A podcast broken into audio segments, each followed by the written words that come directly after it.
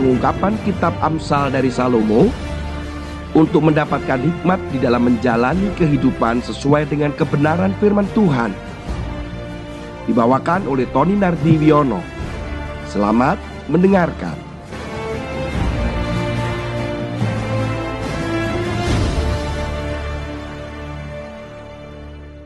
Shalom Bapak Ibu sekalian. Kita sekarang masuk di dalam pembacaan Amsal pasal yang ketiga ayat yang ke-33 Kutuk Tuhan ada di dalam rumah orang fasik Tetapi tempat kediaman orang benar diberkatinya. Saudara bahwa ada rumah atau tempat tinggal atau kediaman yang mana penuh dengan berkat dan ada juga yang penuh dengan suasana atau mungkin dapat dikatakan sebagai kutuk. Dan selalu orang merindukan sebuah keluarga itu yang tinggal di rumah itu selalu diberkati, bahagia. Itu selalu menjadi impian setiap pasangan atau setiap keluarga. Seorang murid sekolah minggu saya yang saat ini tinggal di Jakarta pernah menulis sebuah buku. Menikah itu neraka. Memang judulnya cukup menarik sehingga banyak orang membelinya. Tetapi sebenarnya isinya adalah berbicara penentuan bahwa ketika menikah itu surga atau neraka harus dipersiapkan sejak awal. Ketika masa pendekatan, kemudian komunikasi yang dibangun sebelum pernikahan. Dan ketika menikah dan itu belum terbangun, maka akan mengalami banyak masalah. Sehingga impian menjadi keluarga yang berbahagia seperti impian banyak orang menjadi impian belaka karena yang ada adalah percekcokan, konflik, kemarahan, pukulan, saling menyakiti satu dengan yang lain sehingga diistilahkan oleh teman saya bahwa itu adalah seperti neraka. Saudara, penting bagi kita hari-hari ini memperhatikan keluarga kita, terutama di masa-masa pandemi. Banyak data, banyak fakta di sekitar kita bahwa perceraian itu meningkat di masa pandemi. Walaupun di sisi lain memang ada semakin banyaknya kehamilan dan kelahiran sehingga disebut sebagai bayi-bayi corona. Tetapi di balik itu perceraian juga sedang meningkat tinggi.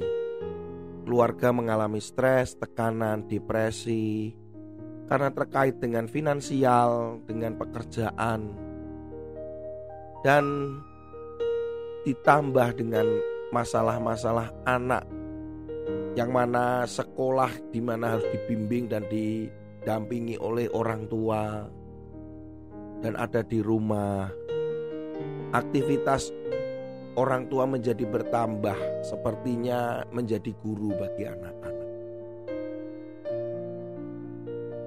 Pada masa pandemik ini juga banyak juga masalah kekerasan dalam rumah tangga pukulan, marahan, kemudian saling menyakiti dengan perkataan, bukan hanya kepada pasangan saja, tapi juga kepada anak-anak. Sangat sensitif, mudah tersinggung. Itu terjadi. Perceraian meningkat, kekerasan dalam rumah tangga meningkat. Bukan hanya di Indonesia, tapi di seluruh dunia, bahwa bagaimana rumah tangga itu atau keluarga terjadi masalah yang cukup penting. Saudara, kalau kita menyadari bahwa itu penting dan kita membiarkannya, maka ini akan menjadi dampak yang seperti bola gunung es. Awalnya kecil dan ini akan menjadi membesar dan memberikan satu akibat yang parah. Bagaimana kediaman orang benar? Dikatakan kediaman orang benar itu akan diberkatinya. Bagaimana keluarga kita supaya diberkati, kemudian keluarga kita juga menikmati yang namanya berkat-berkat itu setiap hari. Yang pertama adalah dasar yang dibangun. Apa yang dibangun di dalam keluarga? Mengapa menikah? Mengapa membentuk keluarga bersama? Kenapa mengikat janji di hadapan Tuhan diberkati? Itu menjadi pertanyaan-pertanyaan yang sering saya sampaikan atau ketika dalam seminar keluarga, apa alasan saudara menikah? Ada berbagai macam alasan. Ada yang karena usia, karena lamanya pacaran, karena tekanan orang tua, tekanan sosial dan pertemanan, atau karena ingin menggabungkan bisnis, macam-macam. Tapi benarkah alasan-alasan itu? Ada benarnya, terserah karena memang masing-masing punya alasan. Tetapi yang menjadi hal yang harus kita bangun adalah dasar pernikahan itu harus berdasarkan sebuah tujuan yang Kristus yang Allah mau bahwa Adam itu dipersatukan dengan Hawa kemudian dia mendapatkan amanah atau mendapatkan sebuah perintah kemudian mereka juga beranak cucu, berkuasa, itu adalah inisiatif daripada Allah. Ketika memang waktunya sudah tiba. Di dalam Mazmur pasal yang ke-127, Mazmur 127 ayat yang pertama, Saudara. Nyanyian Jiara Salomo Jikalau bukan Tuhan yang membangun rumah, sia-sialah usaha orang yang membangunnya. Jikalau bukan Tuhan yang mengawal kota, sia-sialah pengawal berjaga-jaga. Yang membangun rumah, jikalau bukan Tuhan yang membangun rumah, itu inisiatif. Itu inisiatif. Membangun keluarga, membangun rumah, itu inisiatif daripada Allah. Jikalau bukan Tuhan yang membangun rumah, sia-sialah usaha orang yang membangunnya. Jika kita membangun keluarga dengan usaha manusia, dengan cara manusia, maka akan menjadi masalah. Sia-sia itu menunjukkan bahwa bahwa semuanya itu nggak berguna dan seterusnya. Jadi dasarnya harus dibangun karena inisiatif Allah dengan sebuah tujuan yang tujuannya juga dari Allah. Kenapa saya harus menikah dengan dia? Kenapa dia harus menikah dengan saya? Apa tujuan Tuhan? Saya dengan istri saya juga melakukan hal itu. Sehingga menyamakan visi bahkan di dalam pergulatan pernikahan kami ketika memerlukan persetujuan dari kedua orang tua kami. Sementara kami dilarang saat itu kami pacaran saja itu dilarang dan kami bergumul selama kurang lebih empat tahun kami dengan doa, dengan puasa, ketemu di udara jam setiap jam 10 malam, jam 7 pagi, selama kurang lebih 4 tahun. Karena apa? Ada pertentangan dari orang tua istri saya. Tetapi bersyukur karena semuanya didasari oleh firman, didasari oleh takut akan Tuhan. Tuhan mengubah dengan indah dengan caranya dalam waktunya dia. Semuanya luar biasa. Tuhan menjawab dan Tuhan benar-benar hadir di dalam pernikahan kami. Itu semua orang beberapa rekan menjadi saksi pergumulan dan doa kami. Jadi kami harus benar-benar bahwa ini memang inisiatifnya Tuhan.